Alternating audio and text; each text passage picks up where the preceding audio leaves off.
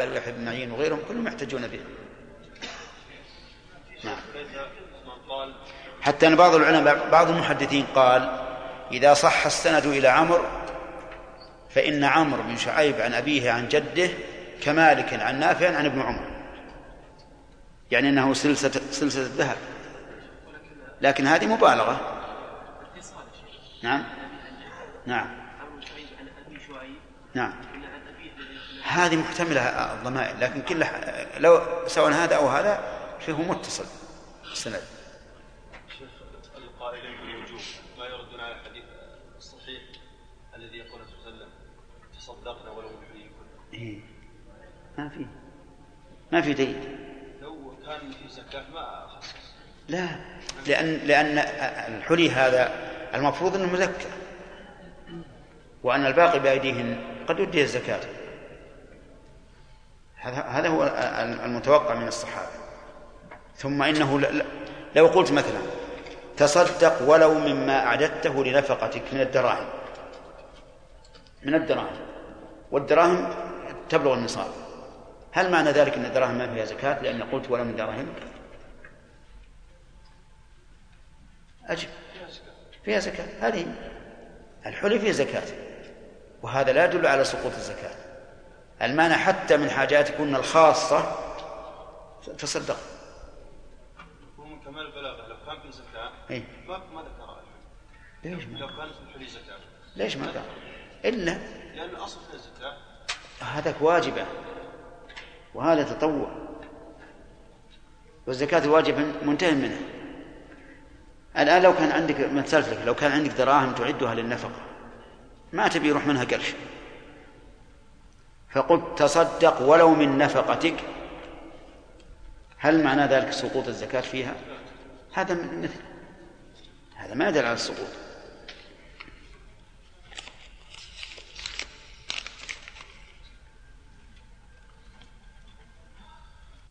عن إيش؟ عن نعم. إن شاء الله تعالى إن شاء الله.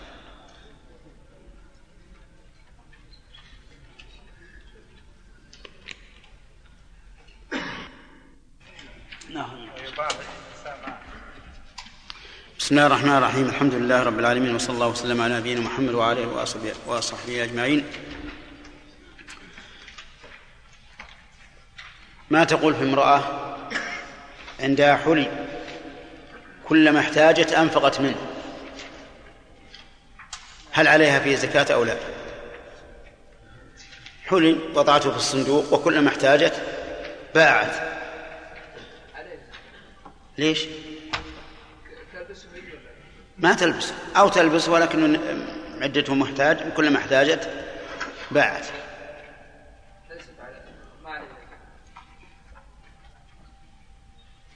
طيب. نعم.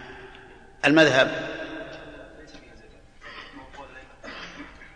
إذا إذا أعد لللبس. فإن أعد للنفقة.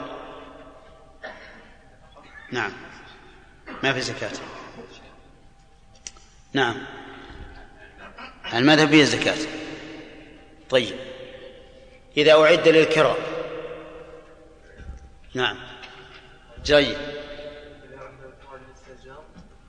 تأجير. نعم. حتى عن المذهب. طيب.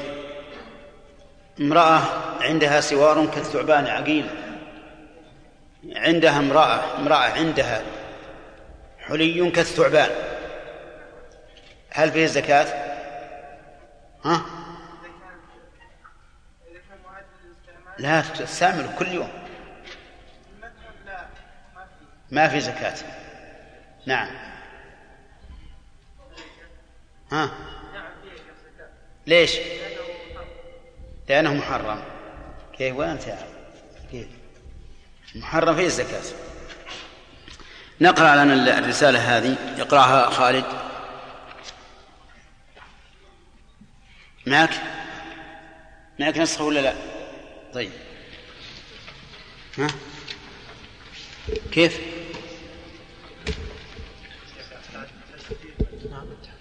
لا سجل. كيف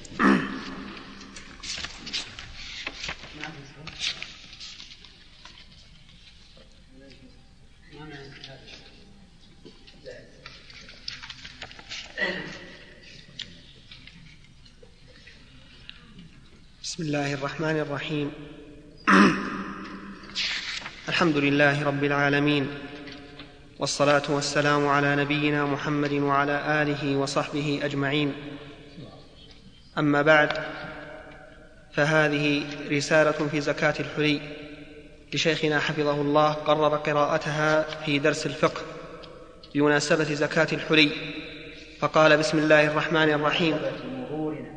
بمناسبة مرورنا على ما قرره المؤلف في زكاة الحلي.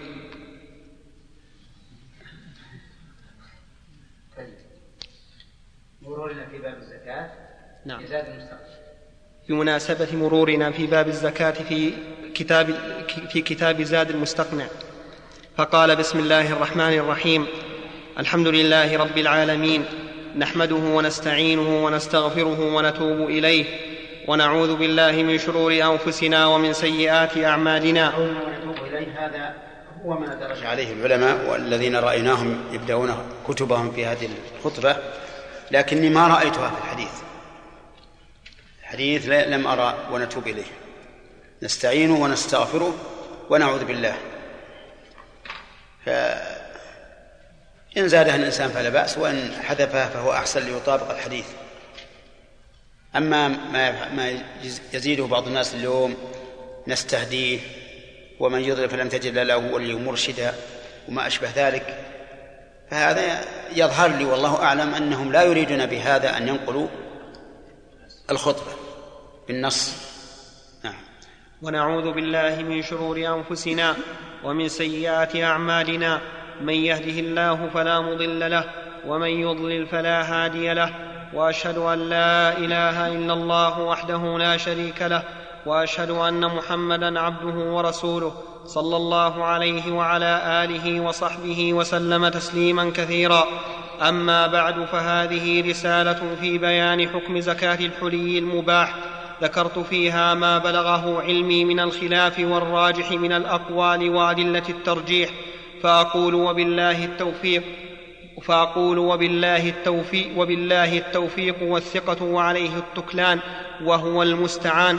لقد اختلف أهل العلم رحمهم الله في وجوب زكاة في في وجوب في وجوب الزكاة في الحلي المباح على خمسة أقوال. أحدها لا زكاة فيه وهو المشهور من مذاهب الأئمة الثلاثة مالك والشافعي وأحمد إلا إذا أعد للنفقة. وإن أعد للأجرة ففيه الزكاة ففيه الزكاة عند أصحاب أحمد ولا زكاة فيه ولا زكاة فيه عند أصحاب مالك والشافعي. وقد ذكرنا أدلة هذا القول إيرادا على القائلين بوجوب على القائلين بالوجوب وأجبنا عنها. الثاني فيه الزكاة سنة فيه الزكاة سنة واحدة وهو مروي عن أنس بن مالك رضي الله عنه. الثالث زكاته عاريته وهو مروي عن أسماء وأنس بن مالك أيضا. الرابع أنه يجب الرابع أنه يجب فيه إما الزكاة وإما العارية. ورجحه ابن القيم رحمه الله في الطرق الحكمية. القول الخامس وجوب الزكاة فيه إذا بلغ نصابا كل عام وهو مذهب أبي حنيفة ورواية عن أحمد. وأحد القولين وأحد القولين في مذهب الشافعي وهذا هو القول الراجح لدلالة الكتاب والسنة والآثار عليه. فمن أدلة الكتاب قوله تعالى والذين يكنزون الذهب والفضة ولا ينفقونها في سبيل الله فبشرهم بعذاب أليم يوم يحمى عليها في نار جهنم فتكوى بها جباههم وجنوبهم وظهورهم. هذا ما كنزتم لأنفسكم فذوقوا ما كنتم تكنزون. والمراد بكنز الذهب والفضة عدم إخراج ما يجب فيهما من زكاة وغيرها من الحقوق. قال عبد الله بن عمر رضي الله عنهما كل ما أديت زكاته وإن كان تحت سبع أراضين فليس بكنز وكل ما لا تؤدى زكاته فهو كنز وإن كان ظاهرا على وجه الأرض قال ابن كثير رحمه الله وقد روي هذا عن ابن عباس وجابر وأبي هريرة مرفوعا وموقوفا. انتهى. والآية عام.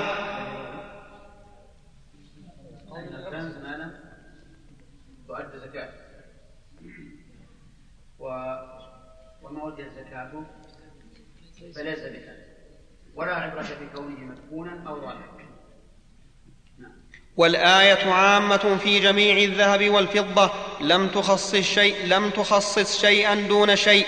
فمن ادعى خروج الحلي المباح من هذا العموم فمن ادعى خروج الحلي المباح من هذا العموم فعليه الدليل. وأما السنة فمن أدلتها اولا ما رواه مسلم من حديث أبي هريرة رضي الله عنه عن النبي صلى الله عليه وسلم أنه قال ما من صاحب ذهب ولا فضة لا يؤدي منها حقها إلا إذا كان يوم القيامة صفحت له صفائح من نار فأحمي عليها في نار جهنم فيكوى بها جنبه وجبينه وظهره. الحديث والمتحلي بالذهب والفضة صاحب ذهب وفضة ولا دليل على إخراجه من العموم وحق الذهب والفضة من أعظمه وأوجبه الزكاة قال أبو بكر قال أبو بكر الصديق رضي قال أبو بكر الصديق رضي الله عنه الزكاة حق المال. ثانيا ما رواه الترمذي والنسائي وأبو داود واللفظ له. قال حدثنا أبو كامل وحميد بن مسعدة المعنى أن خالد بن الحارث أن المعنى أن خالد بن الحارث حدثهم. أنا عندي مسح يا شيخ. قال حدثنا حسين عن عمرو بن شعيب عن أبيه عن جده أن امرأة أن امرأة أن امرأة أتت رسول الله صلى الله عليه وسلم ومعها ابنة لها وفي يد ابنتها مسكتان غليظتان من ذهب فقال لها أتعطين زكاة هذا؟ قالت لا. قال أيسرك أن يصورك الله بهما سوارين من نار؟ قال فخلت فقال فخل قال فخل قال فخلعتهما فألقتهما إلى النبي صلى الله عليه وسلم وقالت هما لله ورسوله قال في بلوغ المرام وإسناده قوي وقد رواه الترمذي من طريق ابن لهيعة. و... والشيخ عبد العزيز بن باز قال إنه صحيح. كان له رسالة قال إنه صحيح.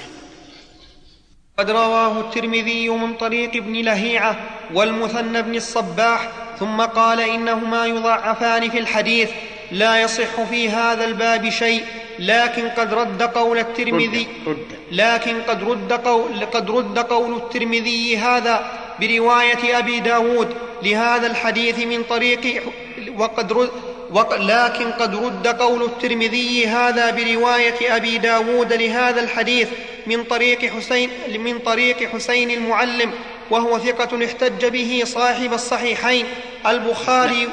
صاحب الصحيح. الصحيح؟ نعم. صاحب الصحيح. عندي بالإفراد. وهو ثقة احتج به وهو ثقة احتج به صاحب الصحيح البخاري ومسلم وقد وافقهم الحجاج بن أرطاه. الصحيح. وقد وثقه. وقد وثق الصحيحين ولا الصحيح؟ الصحيح والصحيح الصحيحين. صاحبا الصحيحين. البخاري ومسلم. إذا قلنا صاحب الصحيحين صار كل واحد له صحيحين.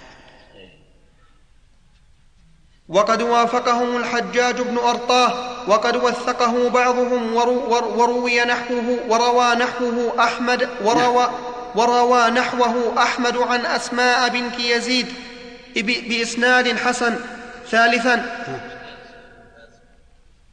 يقول الحديث صحيح. ها؟ يقول إنه صحيح. الحديث يقول إنه صحيح. الحافظ قال إنه قوي. إسناده قوي والشيخ قال إنه صحيح. ثالثا ما رواه أبو داود. قال حدثنا محمد بن إدريس الرازي. قال حدثنا عمرو بن الربيع بن طارق. قال حدثنا يحيى بن أيوب عن عبيد الله بن أبي جعفر أن محمد بن عمرو بن عطاء أخبره عن عبد الله بن شداد بن الهاد أنه قال دخلنا على أنه قال دخلنا على عائشة رضي الله عنها فقالت دخل علي رسول الله صلى الله عليه وسلم صلى الله عليه وسلم فرأى في يدي فتخات من ورق فقال ما هذا يا عائشة؟ فقلت صنعتهن أتزين لك يا رسول الله؟ فقال أتؤدين زكاتهن؟ قلت لا. أو ما شاء الله. قال هو حسبك من النار. قيل لسفيان كيف تزكيه؟ قال تضمه إلى غيره. وهذا الحديث أخرجه أيضا الحاكم والبيهقي والدار قطني. وقال في التلخيص إسناده على شرط الصحيح وصححه الحاكم. وقال إنه على شرط الشيخين يعني البخاري ومسلما وقال ابن دقيق إنه على شرط مسلم. رابعا هذا الحديث كما رأيتم تصحيح العلماء له لكنه فيه إشكال. لأن الفتخات ما تأتي نصابا الفضة نصابها 595 جرام والفتخة ما تأتي هكذا.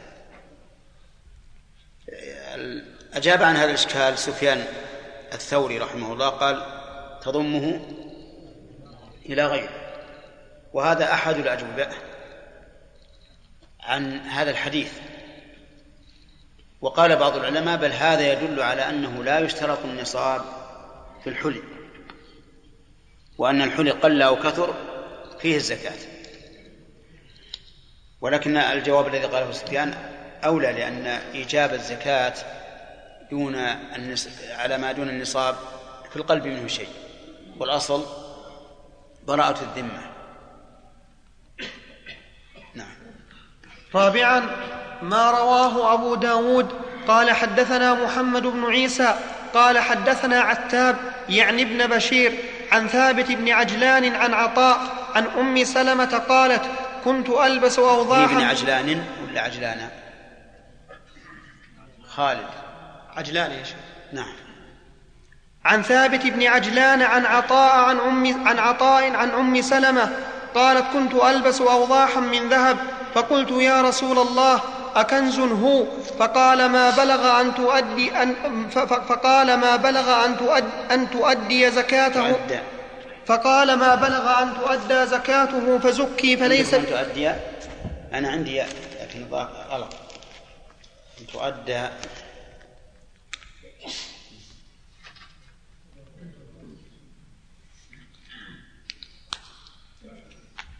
فقال ما بلغ أن تؤدى زكاته فزكي فليس فزكي فليس بكنز. وأخرجه أيضا وأخرجه أيضا البيهقي والدار قطني والحاكم. وقال صحيح على شرط البخاري ولم يخرجاه.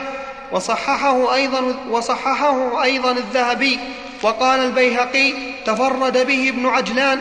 قال في التنقيح وهذا لا يضر فإن ثابت بن عجلان روى له البخاري ووثقه ابن معين والنسائي وقول عبد الحق فيه لا يحتج بحديثه قول لم يقله غيره قال ابن دقيق وقول العقيلي في ثابت بن عجلان لا يتابع على حديثه تحامل منه فإن قيل لعل هذا حين كان التحلي ممنوعا كما قاله مسقط الزكاة في الحلي فالجواب أن هذا لا يستقيم فإن النبي صلى الله عليه وسلم لم يمنع من التحلي به بل أقره مع الوعيد على ترك الزكاة. ولو كان التحلي ممنوعا لأمر بخلعه وتوعد على لبسه. ثم إن واضح. هذا أحد الأجوبة التي أجاب بها من قال أنه لا زكاة. قال هذه الأحاديث محمولة على ما قبل التحريم على ما قبل التحريم يعني حين كان التحلي حراما وهذا يحتاج إلى أمرين كما تعلمون. يحتاج إلى إثبات أنه وقع التحريم أولا ثم إلى إثبات النسخ فإذا ثبت هذا فيمكن أن يجاب به ثم ثم إن هذا الحديث لا يدل على التحريم لأن النبي صلى الله عليه وسلم إيش؟ أقر أقر اللبس وإنما أوجب الزكاة وتوعد على من لم من لم يزك فلا يستقيم هذا الجواب. نعم. ثم إن النسخ يحتاج إلى معرفة التاريخ ولا يثبت ذلك بالاحتمال ثم ذلك ذلك المشار إليه النسخ لا يثبت بالاحتمال. يقال يحتمل أنه منسوخ. طيب ما يكفي هذا؟ لابد أن نعلم تأخر الناسخ لأن شرطا لأن للنسخ شرطين لا بد منهما. الأول تعذر الجمع فإن أمكن الجمع بأي وجه من وجوه الجمع كالتخصيص مثلا أو التقييد أو ما أشبه ذلك فإنه لا يصار إلى إلى النسخ لأن نسخ أمره عظيم. إذ أنه إثبات رد أحد النصين لاحظ ما هي النسخ معناه أنك ألغيت أحد النصين أهدرته فرددت فرددته وهذا يحتاج إلى إلى ثبوت هذا الأمر. فلا بد أن نعلم لا, لا بد من شرط آخر وهو معرفة أن هذا بعد هذا يعني أن ما ادعي أنه ناسخ يكون قبل ما كان منسوخا. ما أنه ناسخ يكون بعد ما كان منسوخا. لا بد أن يكون بعد ما كان منسوخا. فإن لم نعلم فإنه لا نسخ. لكن ماذا ما يكون ماذا يكون موقفنا إذا لم يثبت النسخ وتعذر الجمع؟ لا نرجع إلى طريق آخر قبل قبل التوقف. الترجيح. ننظر أيهما أرجح. وطرق الترجيح معروفة عند الأصوليين وعند المحدثين. فإن لم يتبين الترجيح فحينئذ يجب التوقف. يجب التوقف. فنقول الله أعلم. ولكن هذا عمليا قد يكون مشكلة عمليا قد يكون مشكلة لأن العام ما يرضيه أن تقول أنا متوقف. ورفتنا فماذا نعمل في هذه الحال؟ الظاهر والله أعلم أننا نلجأ إلى الاجتهاد ونأخذ بالاحتياط أو بما يطابق الشريعة. فالذي يطابق الشريعة هو الأسهل والاحتياط هو الأثقل. فهنا لابد على أن الوصول إلى درجة التوقف لا تمكن باعتبار النص لكنها تمكن باعتبار الإنسان باعتبار المستدل.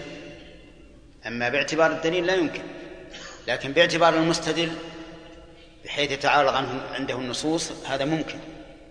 ويكون ذلك إما بسبب قصوره أو تقصيره أو سوء قصده أو رداءة فهمه. التحلي به بل أقره مع الوعيد على ترك الزكاة. ولو كان التحلي ممنوعا لامر بخلعه وتوعد على لبسه. ثم إن النسخ يحتاج إلى معرفة التاريخ ولا يثبت ذلك بالاحتمال.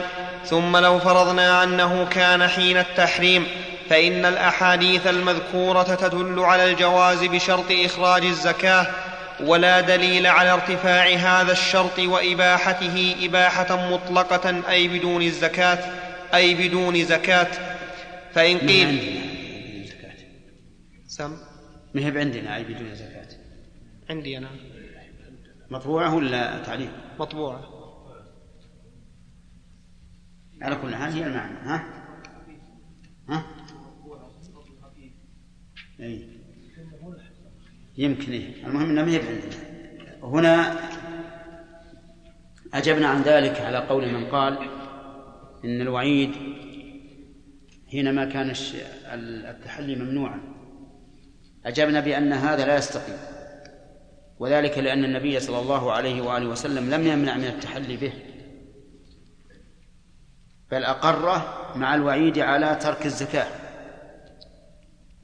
ولو كان حراما لتوعد على لبسه ومنعه وحينئذ لا يستقيم هذا الجواب. وأيضا النسخ إذا قيل إنه كان حين كان ممنوعا ثم نسخ إلى الإباحة فإنه يحتاج إلى إلى دليل بحيث نعلم المتأخر ويتعذر الجمع لأن للنسخ شرطين لا بد منهما.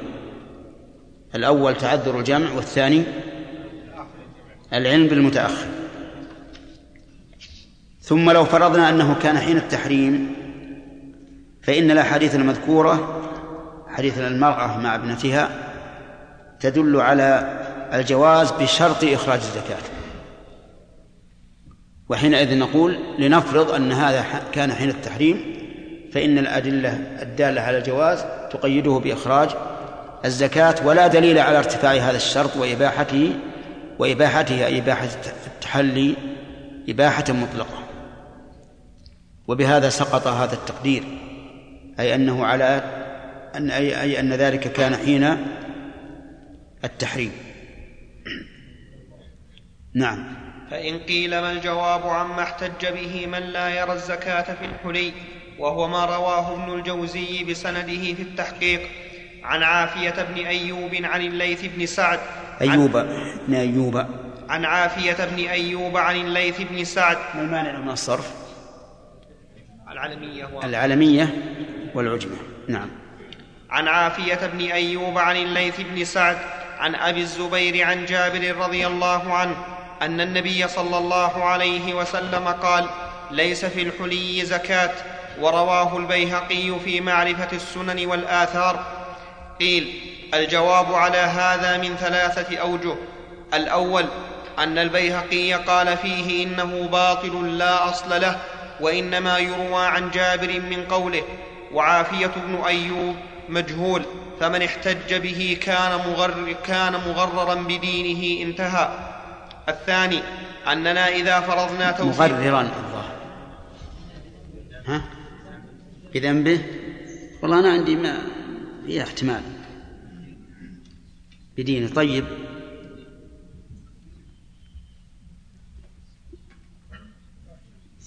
يراجع في معرفة السنة والآثار.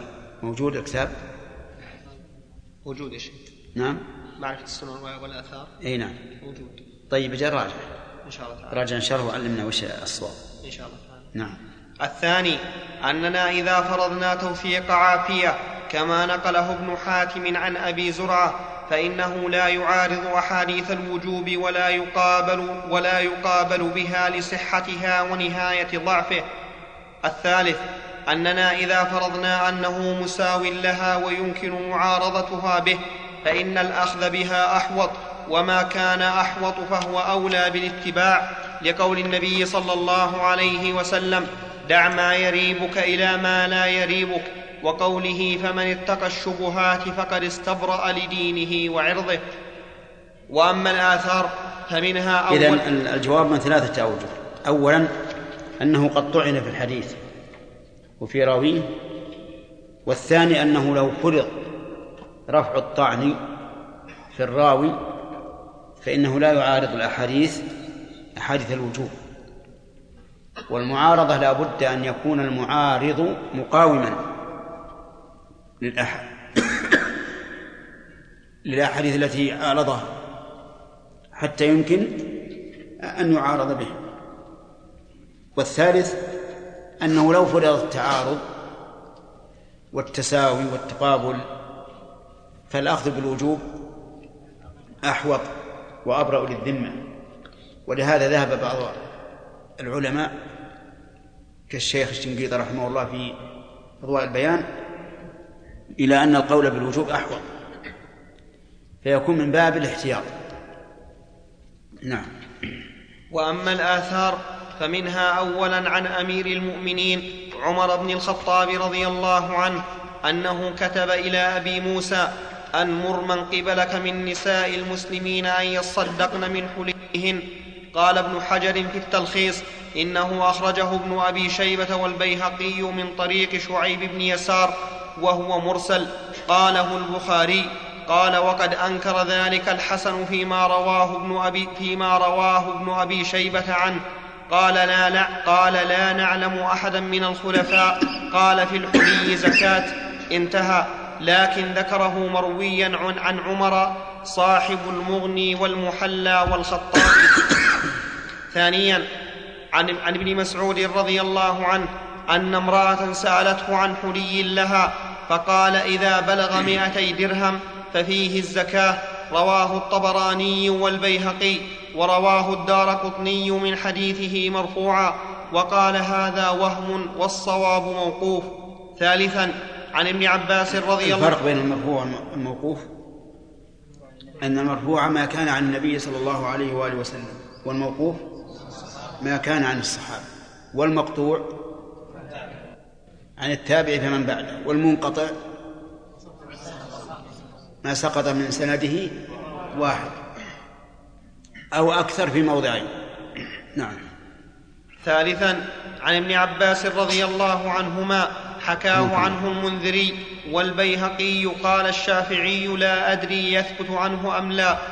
رابعا عن عبد الله بن عمرو بن العاص أنه كان يأمر بالزكاة في حلي بناته ونسائه ذكره عنه في المحلى من طريق ذكره عنه في المحلى من طريق جرير بن حازم عن عمرو بن شعيب عن أبيه خامسا عن عائشة رضي الله عنها أنها قالت لا بأس بلبس الحلي إذا أعطي زكاته رواه الدار قطني من حديث عمرو بن شعيب عن عروة عن عائشة لكن روى مالك في الموطأ عن عبد الرحمن بن القاسم عن أبيه عن عائشة أنها كانت تلي بنات أخيها يتامى في حجرها لهن الحلي فلا تخرج من حلي فلا تخرج من حليهن الزكاة. قال ابن حجر في التلخيص ويمكن الجمع بينهما بأنها كانت ترى الزكاة فيها ولا ترى إخراج الزكاة مطلقا عن مال الأيتام. انتهى. لكن يرد على جمعه هذا ما رواه مالك في الموطأ عن عبد الرحمن بن القاسم عن أبيه قال كانت عائشة تليني أنا وخالي يتيمين في حجرها فكانت تخرج من أموالنا الزكاة. قال بعضهم ويمكن أن يجاب عن ذلك بأنها لا ترى إخراج الزكاة عن أموال اليتامى واجبا فتخرج تارة ولا تخرج أخرى.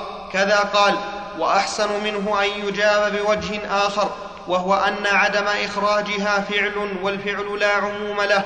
فقد يكون لأسباب ترى أنها مانعة من وجوب الزكاة فلا يعارض القول والله أعلم.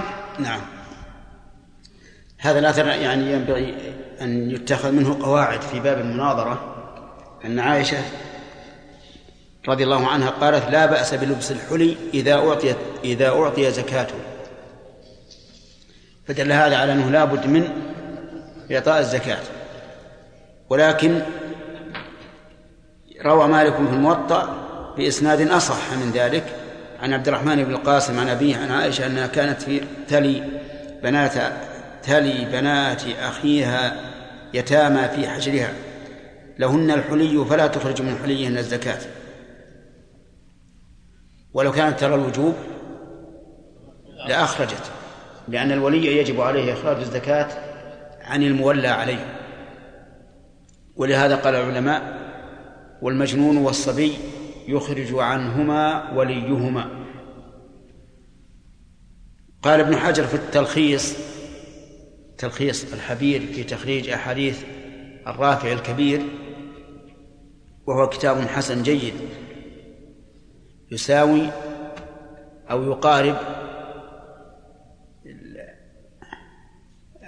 كتاب الزيلعي نصب الراية في تخريج أحاديث الهداية. وكلاهما جيد في موضوعه. قال ابن حجر في التلخيص ويمكن الجمع بينهما أنها كانت ترى بأنها كانت ترى الزكاة فيها أي في الحلية ولا ترى إخراج الزكاة مطلقا من مال الأيتام. بناء على أنه يشترط لوجوب الزكاة البلوغ والعقل كما هو مذهب أبي حنيفة. والأيتام لم يبلغوا فعلى هذا تكون لا تخرج الأيتام زكاة الأيتام الذين اللاتي في حجرها لأنها لا ترى وجوب الزكاة على الصغير. وهذا الجواب لا شك أنه سديد إلا أنه يرد عليه ما رواه مالك في الموطأ عن عبد الرحمن بن القاسم عن أبيه قال كانت عائشة قال كانت عائشة تليني أنا وخالي يتيمين في حجرها. فكانت تخرج من أموالنا الزكاة. فكانت تخرج من أموالنا الزكاة. وهذا يدل على أنها ترى وجوب الزكاة في مال الأيتام. وأنه لا يشترط لوجوبها البلوغ والعقل وأجاب بعضهم يمكن فقال يمكن أن يجاب عن ذلك بأنها لا ترى إخراج الزكاة عن أموال اليتامى واجبا. فتخرج إيش؟ تارة ولا تخرج أخرى. كذا قال. وهذا الجواب فيه نظر. لأنها لأنها لو كانت لا ترى إخراج الزكاة واجبا في مال الأيتام ما جاز لها أن تخرج منها. لأنها إذا كانت تطوعا فالتطوع لا يجوز إخراجه من مال الأيتام. واضح؟ لأنه تبرع. وليس للولي حق التبرع في مال من ولي عليه. ولهذا مر فيما سبق أن قلنا هناك فرق بين جواز التبرع وجواز التصرف. أيهما أضيق؟ التبرع جواز التبرع.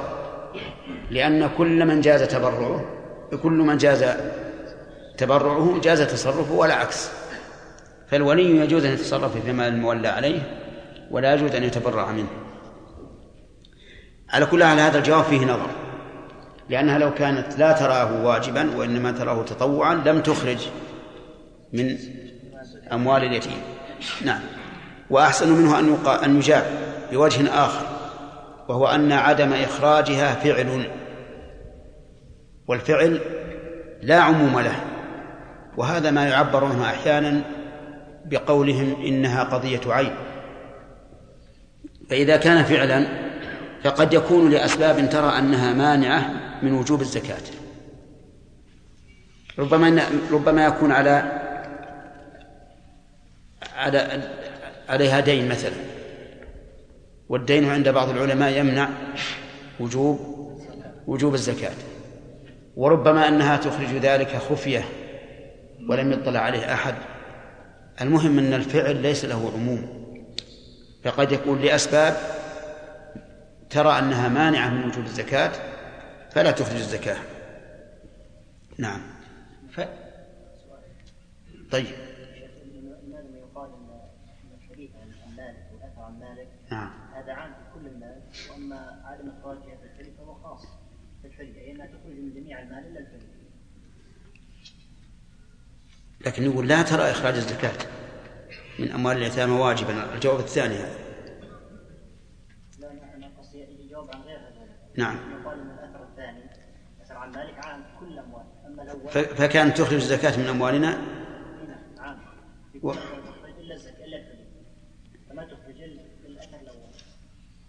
لكن هي روي عنها أمران. الأمر أنها قال الأمر الأول قالت في الحلي زكاة وهذا قول. وعدم إخراج زكاة الحلي لا يعارض القول لأنه فعل والفعل قد يكون له كما قلنا في الأخير قد يكون له أسباب تمنع من الوجوب نعم. كيف؟ في؟ لماذا إيش؟ سيأتينا إن شاء الله. الأجوبة عن القياس ستأتي شيخ ما فهمت الجواب الثاني الأحسن في الجامع نعم. الأحسن أن يجاب بوجه آخر وهو أن عدم إخراجها الزكاة في حلي اليتامى فعل فلا يعارض القول لأن هي تقول بوجوب الزكاة.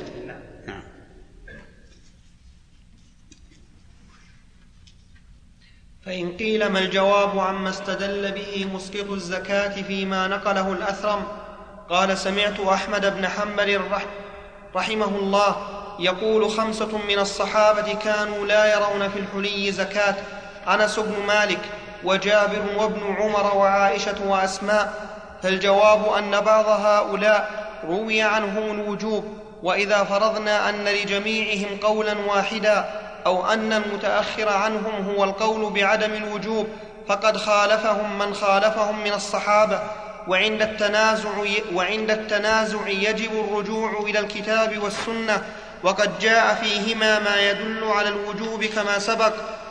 فإن قيل قد ثبت في الصحيحين أن النبي صلى الله عليه وسلم قال تصدقن يا معشر النساء ولو من حليكن ولو من حليكن. وهذا دليل على عدم وجوب الزكاة في الحلي إذ لو كانت واجبة في الحلي لما جعله النبي صلى الله عليه وسلم مضربا لصدقة التطوع. فالجواب على هذا أن الأمر بالصدقة من الحلي ليس فيه إثبات وجوب الزكاة فيه ولا نفيه عنه وإنما فيه الأمر بالصدقة حتى من حاجيات الإنسان. ونظير هذا أن يقال تصدق ولو من دراهم نفقتك ونفقة عيالك فإن هذا لا يدل على انتفاء وجوب الزكاة في هذه الدراهم. فإن قيل إن في لفظ إذن هذا نحن ذكرنا فيما سبق في أول الرساله أننا سنجيب أدلة القائلين بعدم الوجوب اعتراضا على اعتراضا ثم نرد عليه. فهنا استدل القائلون بعدم الوجوب بأن الرسول صلى الله عليه وآله وسلم قال تصدقنا ولم يحللكم. فجعل الصدقة المأمور بها وهي تطوع في الحلم جعلها مضربا. والجواب كما سمعت أن يقال إن الأمر بالصدقة من الحلي لا يدل على إثبات وجوب الزكاة في الحلي ولا ولا نفي. كما لو قلت تصدق ولو من ثيابك التي تلبسها تصدق ولو من دراهم نفقتك. هذا من باب المبالغة أنك تصدق حتى من الحاجيات. فلو قلت تصدق ولو من دراهم نفقتك فهل يعني ذلك أن الدراهم لا تجب فيها الزكاة؟ لا. لأن وجوب الزكاة فيها من وجه آخر. كذلك هذا الحلي. وجوب الزكاة فيه من وجه آخر غير هذا الدليل. فهذا الدليل لا يدل على النفي ولا على الإثبات.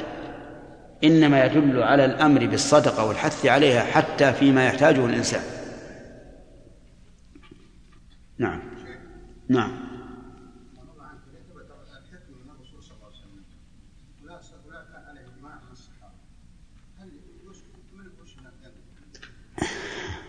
لابد لأنه تعرف العلماء إذا إذا اختلفوا كل واحد يجيب ما عنده من الأدلة. فلا بد أن نجيب عن الأدلة هذه.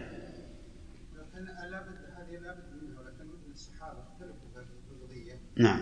وحكم الرسول صلى الله عليه وسلم نعم.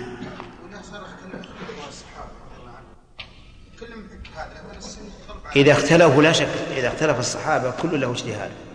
والسنة تحكم بين الجميع. لكن لا بد أن نحن قلنا مرارا وتكرارا. إن الإنسان إذا رجح قولا على قول فلا بد من أمرين. الأول إثبات دليل الترجيح والثاني الإجابة عن قول الآخر. ما تبقى أدلة القول الآخر معلقة لا بد من الإجابة عليها. نعم. نعم مضربا للمثل لأنه قال ولو من حلي كل.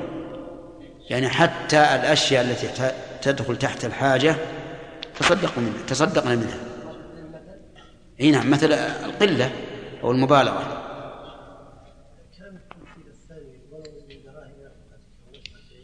نعم. يشير على الحلي مما لا زكاة فيه ليش؟ ونفقة العيال لا زكاة لا فيها زكاة. نعم ولو من دراهم. من دراهم نفقة.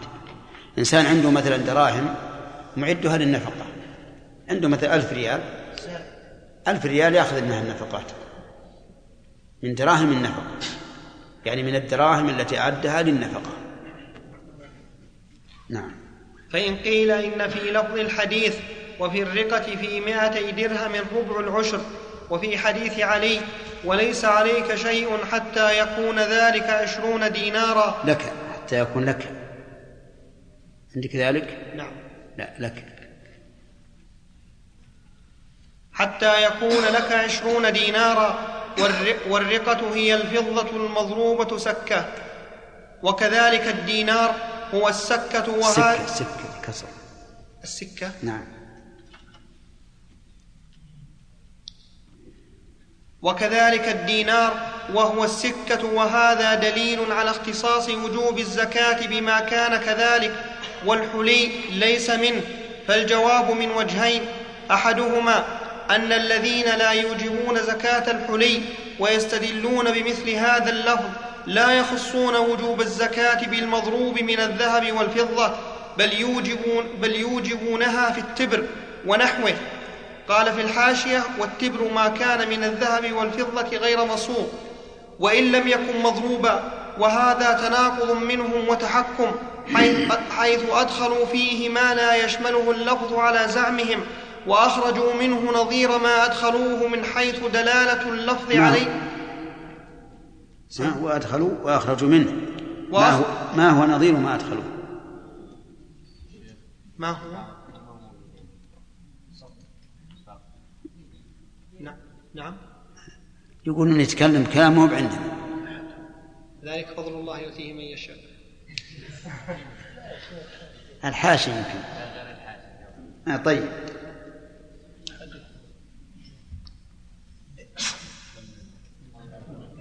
رحمك الله.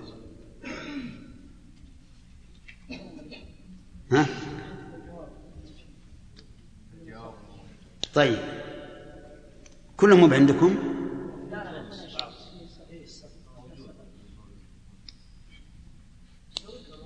اقرأ اقرأ. فالجواب. فالجواب من وجهين. أحدهما أن الذين لا يوجبون زكاة الحلي ويستدلون بمثل هذا اللفظ لا يخ... اللفظ؟ وما هو اللفظ؟ مثلا في الرقة. في قولهم في الرقة وفي قولهم دينار. يقول الرقة والدينار هي السكة المضروبة نعم. لا يخصون وجوب الزكاة بالمضروب من الذهب والفضة بل يوجب بل يوجبونها في التبر ونحوه وإن لم يكن مضروبا. وهذا تناقض منهم التبر معروف عندكم؟ قطع من الذهب. القطع من الذهب أو من الفضة ليست مصوغة ولا مضروبة نقدا وإنما هي أكوام من الذهب والفضة. نعم. إيه غير مصروف. نعم. وهذا تناقض منهم وتحكم حيث أدخلوا فيه ما لا يشمله اللفظ على زعمهم. أنتم معنا الآن؟ كلام واحد؟ عجيب. إيه. وش بعد؟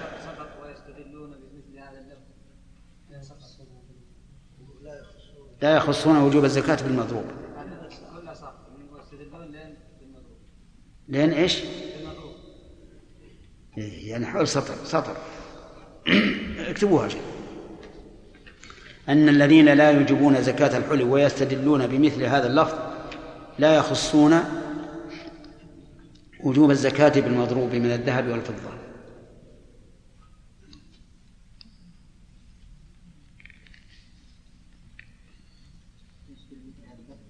ها؟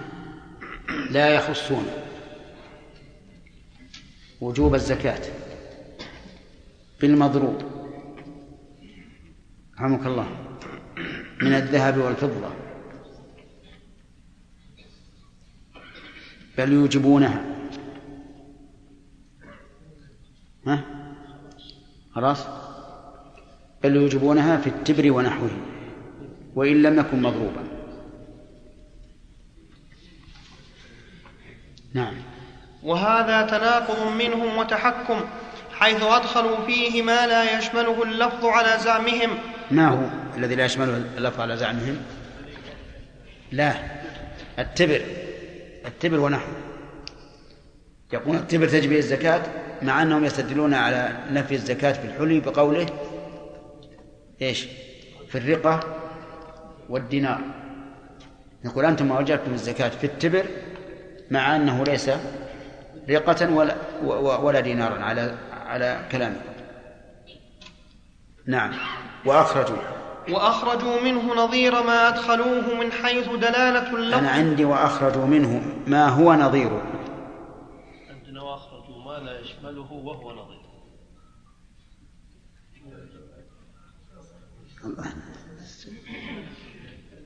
وأخرجوا منه ما هو نظير ما أدخلوه من حيث دلالة اللفظ عليه. أو عدمه واخرجوا ما لا يشمله وهو نظير. نظير ما ادخلوا لا لا اللي عندنا أحسن. واللي عند خالد أيضا لا بأس به لكن اللي عندي أحسن. وأخرجوا منه. ما هو؟ نظير. ما أدخلوه. من حيث دلالة اللفظ عليه أو عدمها. أو عدمها. وأخرجوا منه ما هو نظير ما أدخلوه من حيث دلالة اللفظ عليه أو عدمها.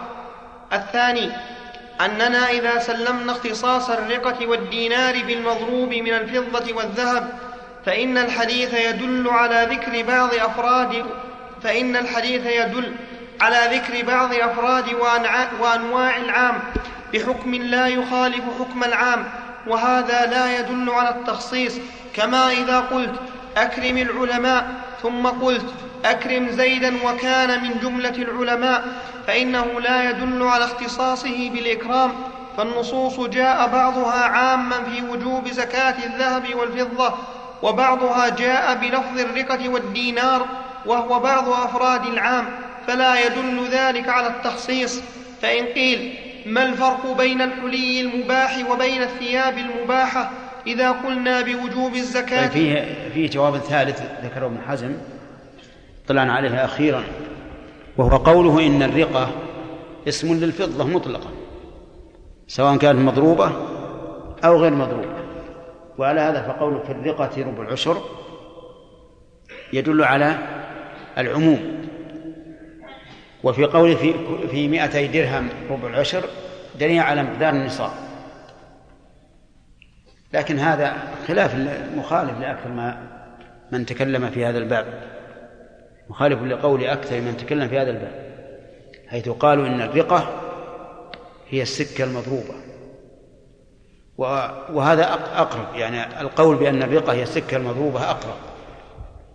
لقوله تعالى فابعثوا بورقكم هذه إلى المدينة معلوم أنها دراهم.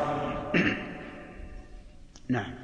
فإن قيل ما الفرق بين الحلي المباح وبين الثياب المباحة؟ إذا قلنا بوجوب الزكاة في الأول دون الثاني فالجواب أن الشارع فرق بينهما حيث أوجبها في الذهب والفضة من غير استثناء بل وردت نصوص خاصة في وجوبها في الحلي المباح المستعمل كما سبق. وأما الثياب فهي بمنزلة الفرس وعبد الخدمة اللذين قال فيهما رسول الله صلى الله عليه وسلم ليس على المسلم في عبده ولا فرسه صدقة فإذا كانت الثياب لللبس فلا زكاة فيها وإن كانت للتجارة ففيها زكاة التجارة فإن قيل هل طيب، يص واضح هذا؟ يعني بعض القائلين بعدم الوجوب قالوا هذه كالثياب هذه من حاجيات الإنسان يلبسها يحتاج إليها. حينئذ نقول لابد أن نجيب عن هذا القول. بماذا؟ بالتفريق. بالتفريق. فنقول الحلي أوجب الشرع الزكاة فيه والثياب لم يوجب فيها الزكاة. هذا هو الفرق. نعم لو لو كان الأصل في الذهب والفضة عدم عدم الوجوب لقلنا إنه لا لا زكاة بالحلي كما نقول إن الأصل في الثياب عدم عدم الوجوب. فهذا قياس مع الفارق.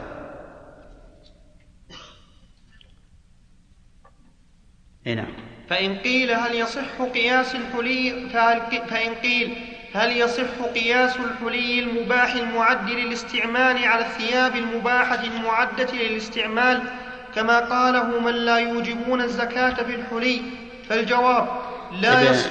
قبل أن نتجاوز الأول وهو أن الشارع إذا فرق بين شيئين فإنه لا لا نسأل عن عن الحكمة بينهما.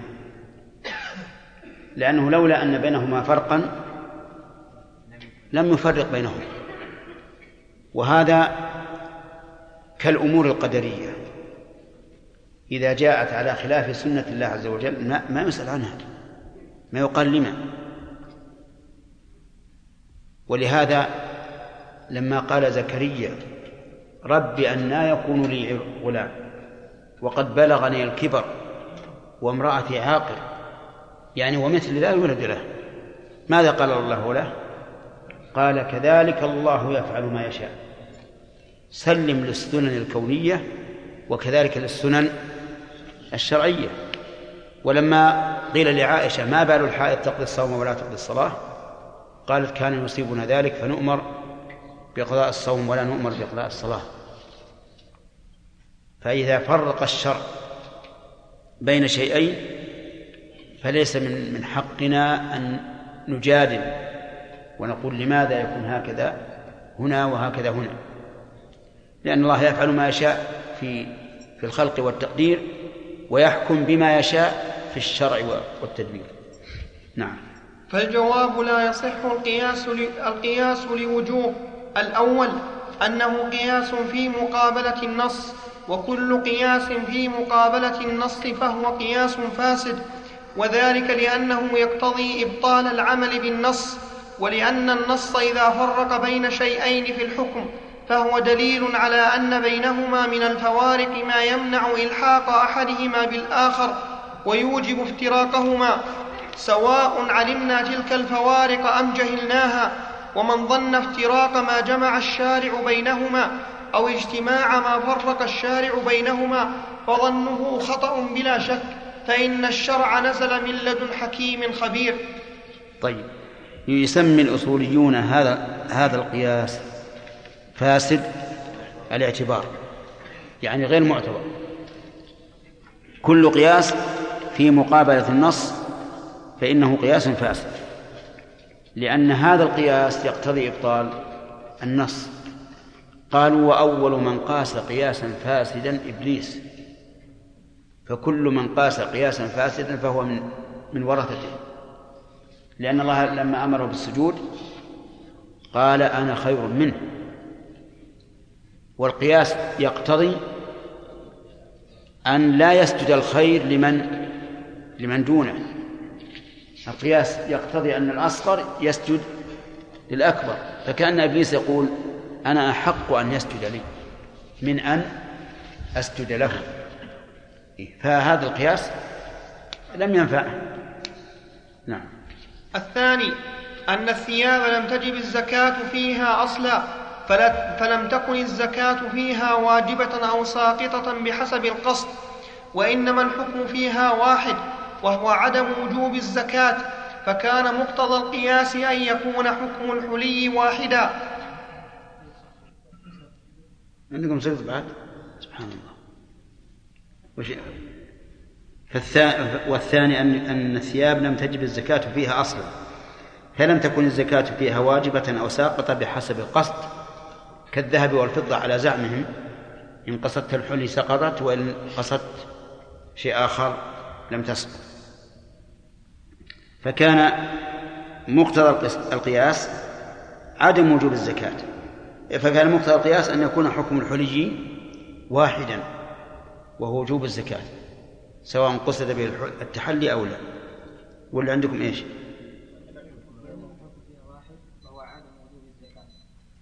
الثاني الثاني أن الثياب. لم تجب فيها الزكاة أصلا.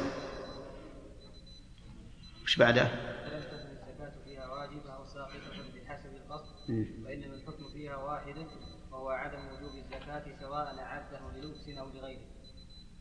أي بعد سطر وهو عدم وجوب الزكاة. اكتبوا. فكان مقتضى القياس بعد قول عدم وجوب الزكاة.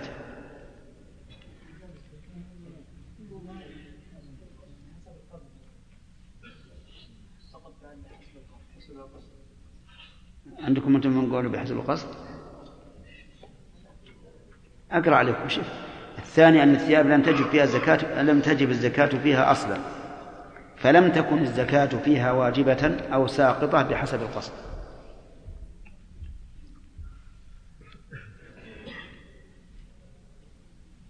أقرأ؟ طيب. وإنما الحكم فيها واحد.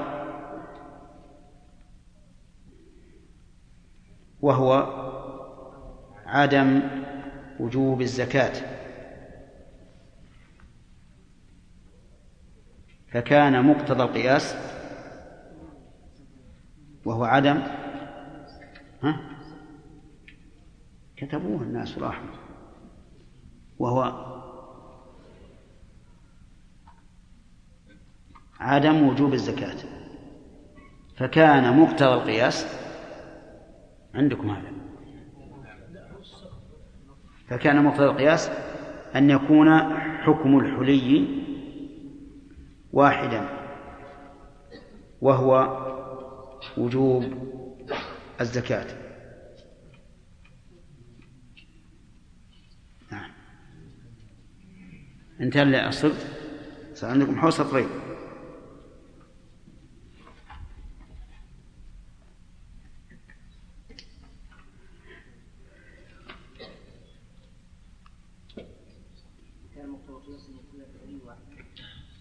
ها؟ أن يكون حكم الحلي. واحدا. وهو عاد وهو وجوب الزكاة. سواء أعده للبس أو لغيره. نعم. فكان مقتضى القياس أن يكون حكم الحلي واحدا وهو وجوب الزكاة سواء أعده لل... سواء أعده للبس أو لغيره. كما أن الثياب حكمها واحد لا زكاة فيها سواء أعدها للبس أو لغيره ولا يرد على ذلك. يعني بمعنى أننا نرد كل واحد منهما إلى إلى أصله. فنقول الثياب الأصل فيها عدم الزكاة. فكان الحكم فيها واحدة سواء أعدت للبس أو لغيره. آه، الحلي الأصل فيه الزكاة. فكانت واجبة فيه سواء أعده لللبس أو لغيره. نعم. ولا يرد على ذلك وجوب الزكاة فيها إذا كانت عروضا لأن الزكاة حينئذ في قيمتها. الثالث أن يقال ما هو القياس الذي يراد الجمع به بين الحلي المعد للاستعمال والثياب المعدة له؟ أهو طيب. قياس التسوية أم قياس العكس؟ فإن قيل عندكم كذا؟ ما هو القياس الذي يراد أن يجمع به؟ وعندكم يراد الجمع؟ يا الله المعنى واحد. نعم. فإن قيل هو قياس التسوية قيل هذا إنما يصح لو كانت الثياب تجب فيها الزكاة قبل إعدادها لللبس والاستعمال ثم سقطت الزكاة بعد إعدادها ليتساوى الفرع والأصل في الحكم. وإن قيل هو قياس العكس قيل هذا إنما يصح لو كانت الثياب لا تجب فيها الزكاة إذا لم تعد لللبس وتجب فيها إذا أعدت لللبس فإن هذا هو عكس الحكم في الحلي عند المفرقين بين الحلي المعد لللبس وغيره. هذا من كيسك. ها؟ موجودة عندك؟ موجودة على كل حال هي طيبة. يعني نكتبها الآن. ما جبنا الكيس يا شيخ. نعم. أقول ما جبنا الكيس اليوم. سبحان من يسبح نعم. غير هذا فإن هذا حكم فإن هذا هو عكس الحكم في الحلي. ها املأ علينا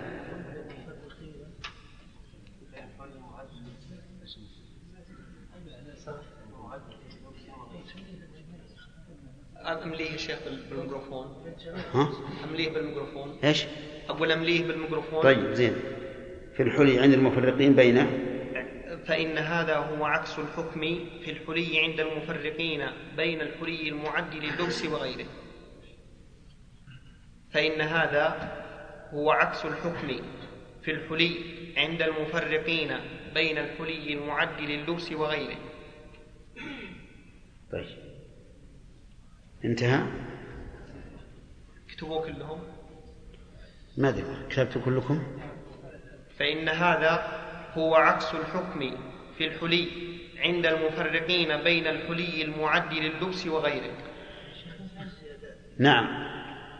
آه الثالث أن يقال ما هو القياس الذي يراد أن يجمع به بين الحلي المعد للاستعمال والثياب المعدة له؟ أهو قياس التسوية أم قياس العكس؟ لأن القياس ينقسم إلى قسمين. قياس التسوية يسوى الفرع والأصل يسوى بين الفرع والأصل في الحكم. وقياس عكس يعطى الفرع نقيض حكم الأصل. وقد ثبت قياس العكس بقول النبي عليه الصلاة والسلام وفي بضع أحدكم صدقة. قالوا يا رسول الله يأتي أحدنا شهوته ويكون له فيها أجر؟ قال أرأيتم لو وضعها في حرام أكان عليه وزر؟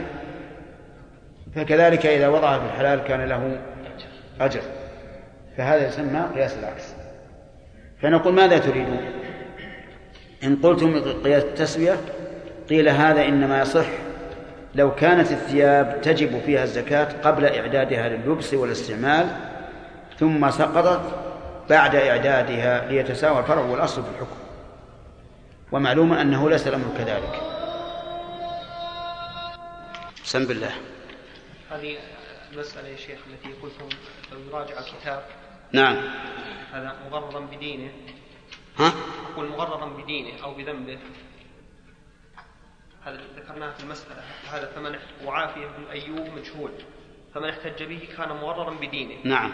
يقول في الأصل في إكمال ما ذكر داخلا فيما نعيب به المخالفين في الاحتجاج.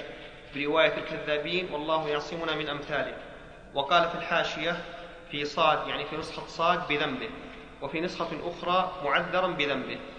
نقل من صاد 144 المجلد السادس. خلنا خلنا صفحة؟ 144 لا لا الرسالة. صفحة سبعة. صفحة سبعة.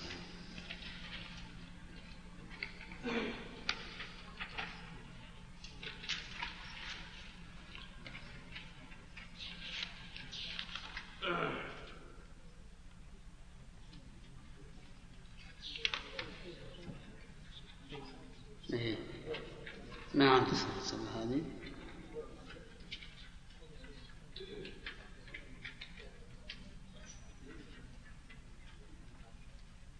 اي نعم. أنا عندي صفحة تسعة.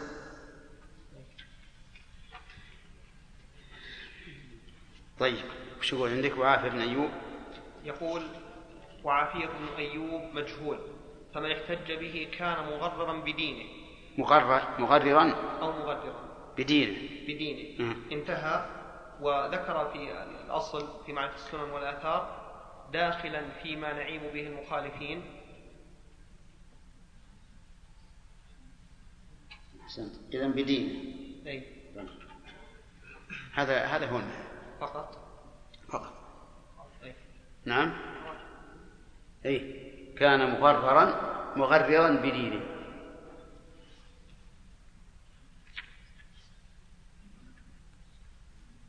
نعم.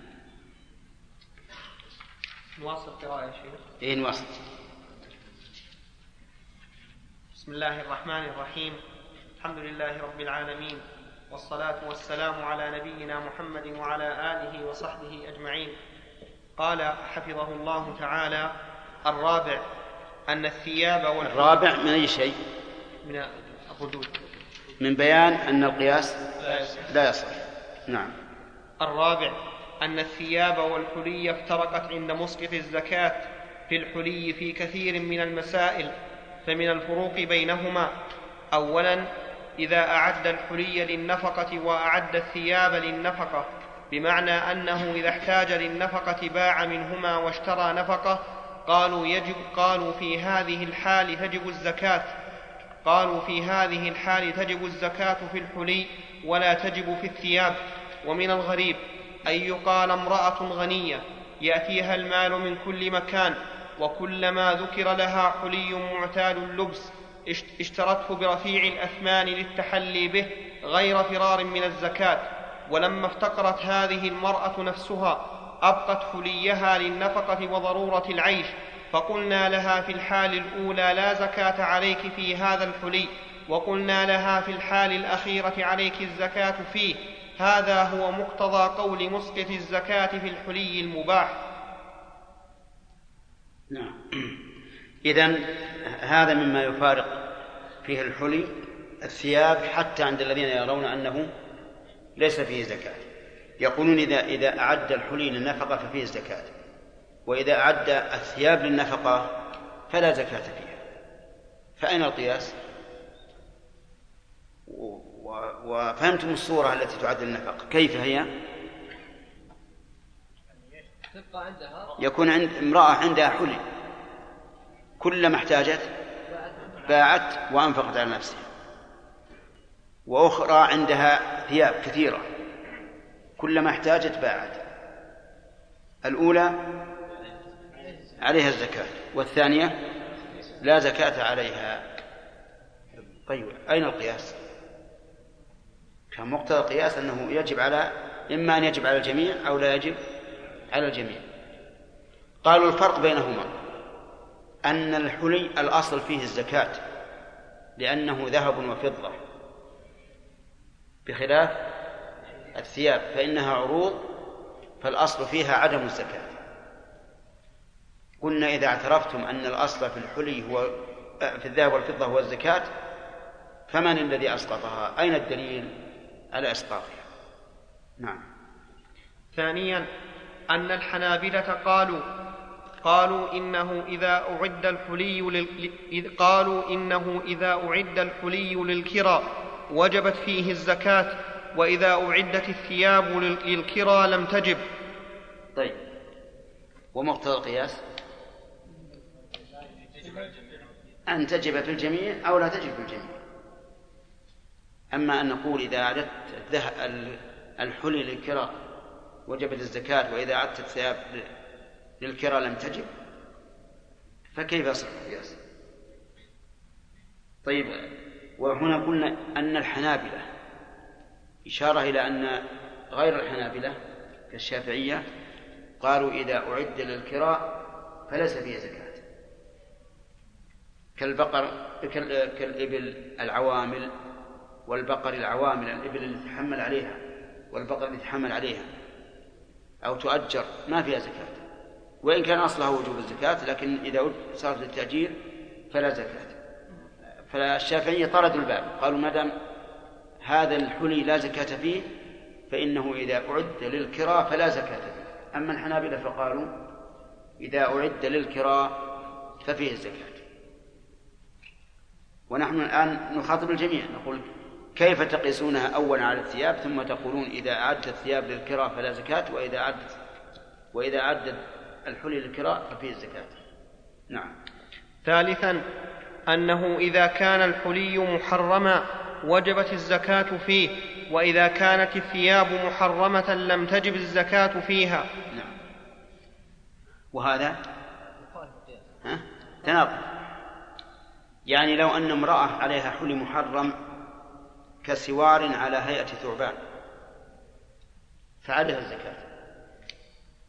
ولو كان رجل عليه ثياب من حرير لم تجب الزكاة. فيقال مقتضى القياس الطرد إما أن توجب الزكاة في الجميع أو لا توجب الزكاة في الجميع. يقولون الفرق الفرق بينهما أن الزكاة سقطت في الذهب والفضة في الاستعمال المباح المأذون فيه.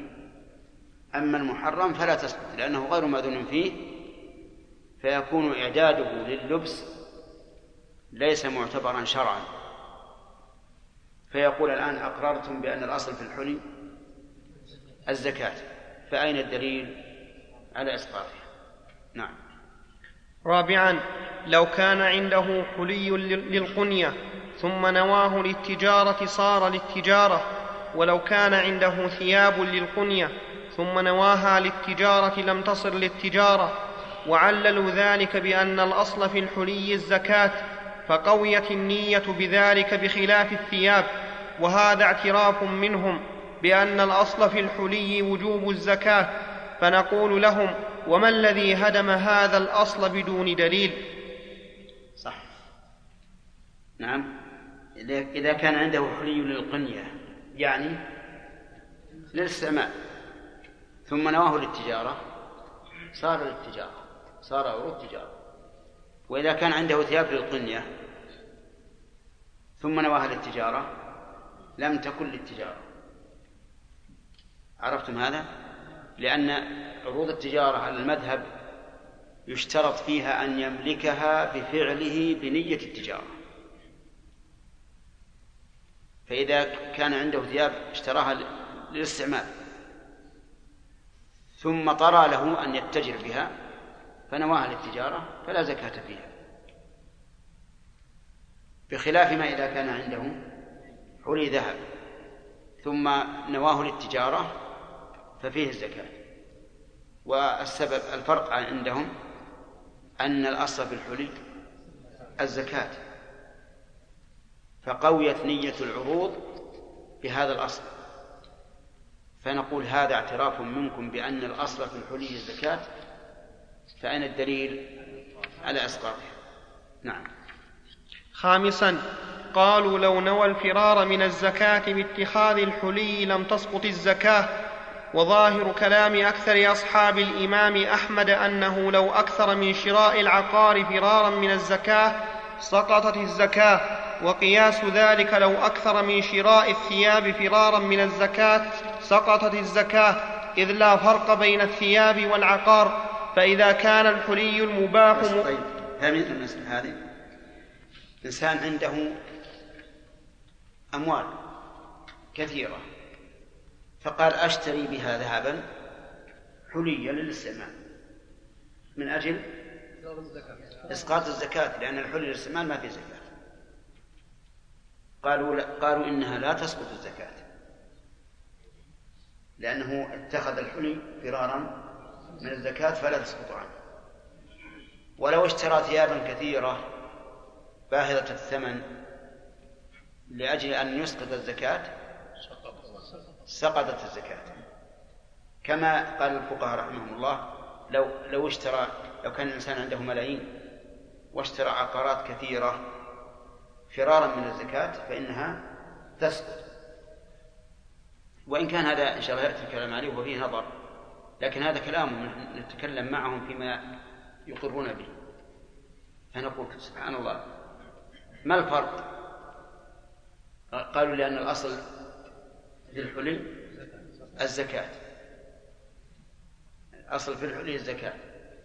فلا ينفعه الفرار منها لأنه فر من من الذهب والفضة واشترى به الحلي وهو مما تجب فيه الزكاة. فنقول إذا هذا اعتراف بوجوب الزكاة فأرونا الدليل على إسقاطه. نعم. فإذا كان الحلي المباح مفارقا للثياب المعدة للبس في هذه الأحكام فكيف نوجب أو نجوز إلحاقه بها في حكم دل النص على افتراقهما فيه؟ إذا تبين ذلك فإن الزكاة لا تجب في الحلي حتى يبلغ كيف نوجب؟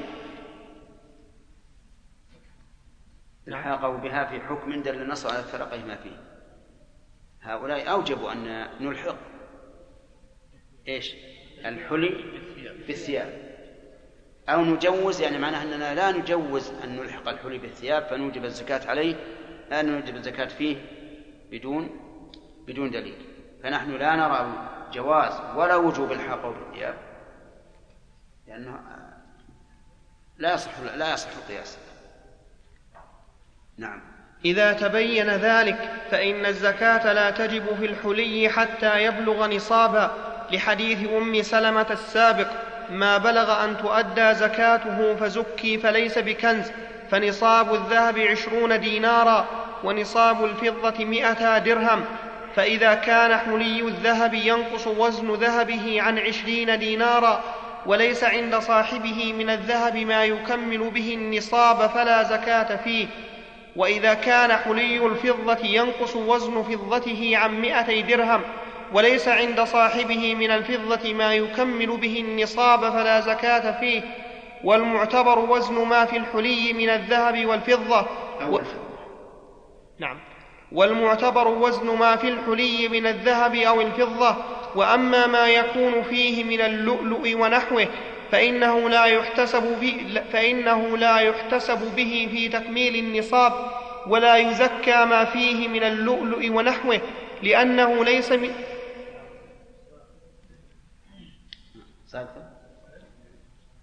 لا عندي عندي. بس أنا ولا يزكي أعني اللؤلؤ ونحوه من الجواهر الموجودة في الحلي لأنها ليست من الذهب ولا الفضة. وأنت إيش عندك؟ املح عليهم املح عليهم. ولا يزكي ما فيه. ولا يزكي. ولا يزكى ما فيه من اللؤلؤ ونحوه. ما فيه؟ بعد بعد في تكميل النصاب. من هنا؟ أنتم منين أستقط عندكم؟ ما هو قلنا واما ما يكون فيه من اللؤلؤ ونحوه فإنه لا يحتسب فيه في تكميل النصاب. هذا موجود. موجود. ولا, ولا يزكى. ولا يزكى ما فيه من اللؤلؤ ونحوه. نعم. لأنه ليس من الذهب والفضة. لأنه ليس من الذهب والفضة والحلي من غير الذهب والفضة والحلي من غير الذهب والفضة لا زكاة فيه. ما يخالف نعيد نعيد. نعيد أنتم مكتوب اللي تقدرون عليه ويجي الباقي. والحلي من غير الذهب والفضة لا زكاة فيه إلا أن يكون للتجارة. لا زكاة فيه إلا أن يكون للتجارة. نعيد. طيب. ولا يزكي ولا يزكى ما فيه من اللؤلؤ ونحوه. اصبر. كتبت ذا؟ ولا يزكي ما فيه من اللؤلؤ ونحوه. نعم. لأنه ليس من الذهب والفضة. لأنه ليس من الذهب والفضة. كتبته ما يخالف المترجم ما في طيب. لأنه ليس من الذهب والفضة والحلي من غير الذهب والفضة لا زكاة فيه. والحلي من غير الذهب والفضة لا زكاة فيه. نعم. والحلي من غير الذهب والفضة لا زكاة فيه إلا أن يكون للتجارة. إلا أن يكون للتجارة. نعيد يا شيخ. الله كان الرسول إذا تكلم أعاد الكلمة ثلاثة. زين. ولا يزكى ما فيه من اللؤلؤ ونحوه. ولا يزكى ما فيه من اللؤلؤ ونحوه لأنه ليس من الذهب والفضة. لأنه ليس من الذهب والفضة والحلي من غير الذهب والفضة لا زكاة فيه. والحلي من غير الذهب والفضة لا زكاة فيه إلا أن يكون للتجارة. إلا أن يكون للتجارة.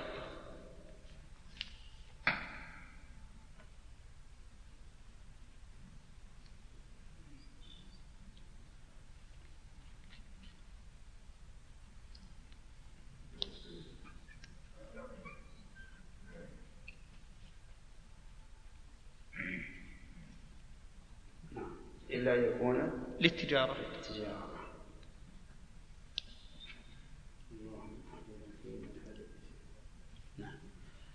نواصل يا شيخ.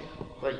لكن هل المعتبر في نصاب الذهب الدينار الإسلامي الذي زينته مثقال وفي نصاب الفضة الدرهم الإسلامي الذي زينته سبعة أعشار مثقال أو المع... أو أو المعتبر أو الآن الدرهم الإسلامي أقل من الذهب.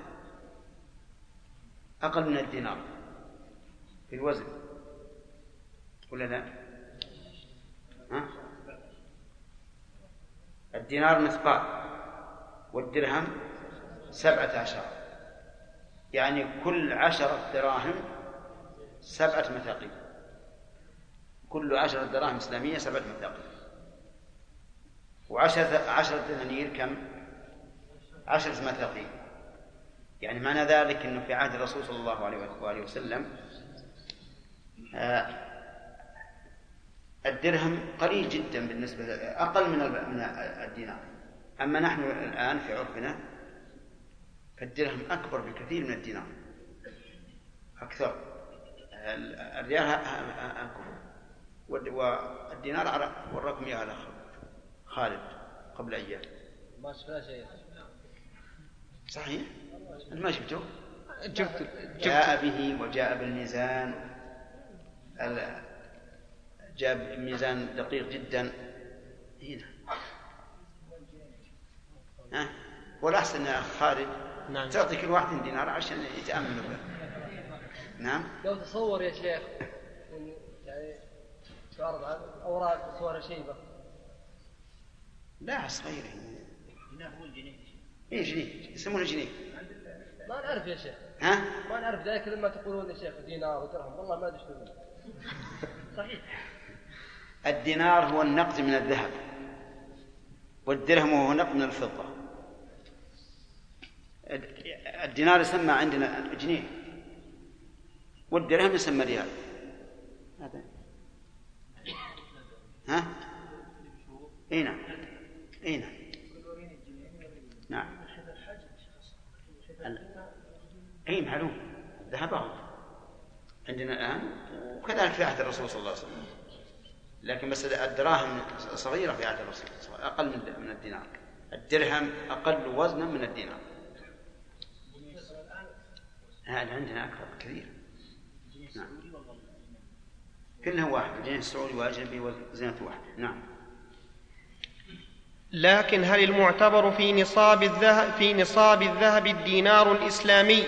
الذي زنته مثقال وفي نصاب الفضة الدرهم الإسلامي الذي زنته سبعة أعشار مثقال أو, المعتبر الدينار والدرهم عرفا في كل زمان ومكان بحسبه سواء قل ما فيه من الذهب والفضة أم كثر.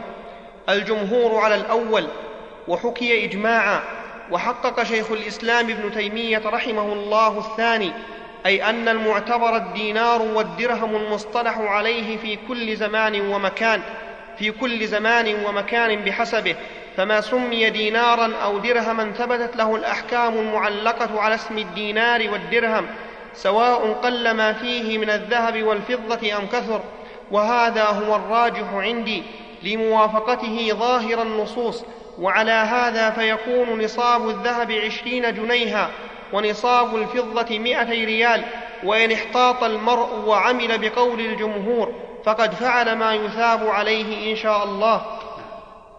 أيهما أحوط؟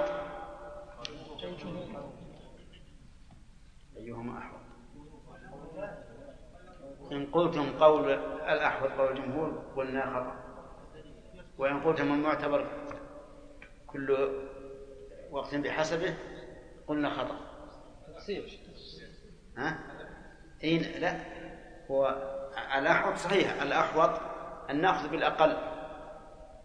يعني بمعنى ما كان ما كان يبلغ النصاب أولا. فمثلا إذا قدرنا أن مئتي درهم لا تبلغ مئة وأربعين دين مثقالا.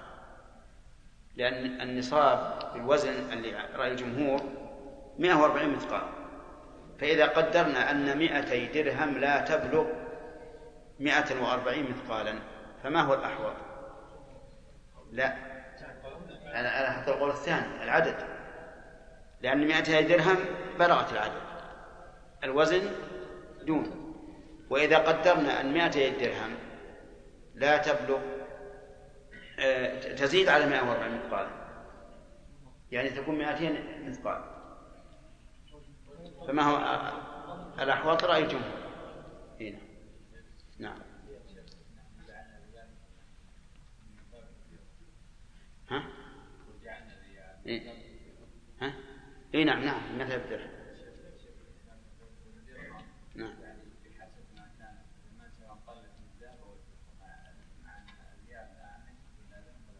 لا ما قل من الذهب باعتبار الدينار ومن الفضة باعتبار الدرهم هذه موزعة طيب الآن شوف الآن النصاب باعتبار الوزن ست وخمسين ريال. وباعتبار العدد مئتين يعني معناها أنه يعني قريب الربع. النصاب بالوزن قريب الربع بالعدد. ست وخمسين نسبتها إلى مئتين تزيد عن الربع قليلا. على كل حال الاحتياط الاحتياط أن نعمل ما فيه الأحوط لمستحق الزكاة. إن بلغ النصاب باعتبار العدد قبل الوزن أخذنا بقول شيخ الإسلام ابن تيمية لأنه أحوط. وإن بلغ النصاب بالوزن قبل بلوغه بالعدد أخذنا بقول الجمهور لأنه أحوط. نعم. إي نعم. الوزن ولو كبر حجم الريال لا الريال معروفة. لو لو كبر صارت أقل. الآن الريال الفرنسي تعرفون الريال الفرنسي؟ تعرفونه الريال الفرنسي النصاب فيه ثلاث وعشرين ثلاث وعشرون وثلثا. ثلاث وعشرون وثلثا. لأن فيه من الفضة كثير هنا. كيف؟ اي نعم لا بس هل كل من حكى الإجماع يكون حقيقة الإجماع؟ يعني راجع ابن القيم رحمه الله في الصواعق المرسلة ذكر أكثر من عشرين مسألة حكي فيها الإجماع وليس فيه إجماع وحكي الإجماع أيضا عن أئمة كالشافعي ونحن وليس فيه إجماع وأنا قد نقلت لكم سابقا أن بعضهم قال أجمعوا على رد شهادة العبد. شهادة العبد. وقال الثاني أجمع أجمعوا على قبول. على قبول شهادة العبد. نعم. فإذا بلغ الحلي نصابا خالصا عشرين دينارا إن كان ذهبا ومائتي درهم إن كان فضة ففيه ربع العشر. لحديث علي بن أبي طالب رضي الله عنه أن النبي صلى الله عليه وسلم قال إذا كانت لك مئتا درهم وحال عليها الحول ففيها خمسة دراهم وليس عليك شيء يعني في الذهب حتى يكون لك عشرون دينارا فإذا كانت لك عشرون دينارا وحال عليها الحول ففيها نصف دينار رواه أبو داود إذن زكاة الذهب والفضة كم؟ ربع العشر. لأن نصف دينار من عشرين. ربع العشر. العشر اثنان ونصف والنصف ربعه وقد صرح في حديث أبي بكر الذي رواه البخاري وغيره وفي الرقة في مئتي درهم ربع العشر. نعم. وبعد فإن على العبد أن يتقي الله ما استطاع ويعمل جهده في تحري معرفة الحق من الكتاب والسنة فإذا ظهر له الحق منهما وجب عليه العمل به وألا يقدم عليهما قول أحد من الناس كائنا من كان ولا قياسا من الأقيد. من كان؟ أنا ساقط عندي من كان. كان عندكم؟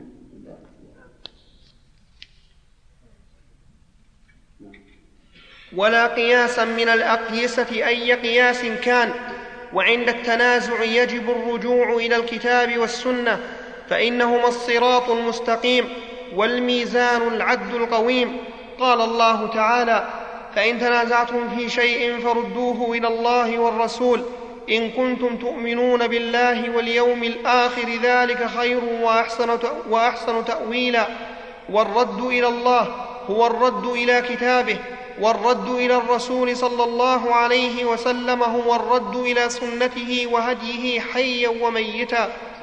وقال تعالى فلا وربك لا يؤمنون حتى يحكموك فيما شجر بينهم ثم لا يجدوا في أنفسهم حرجا مما قضيت ويسلموا تسليما.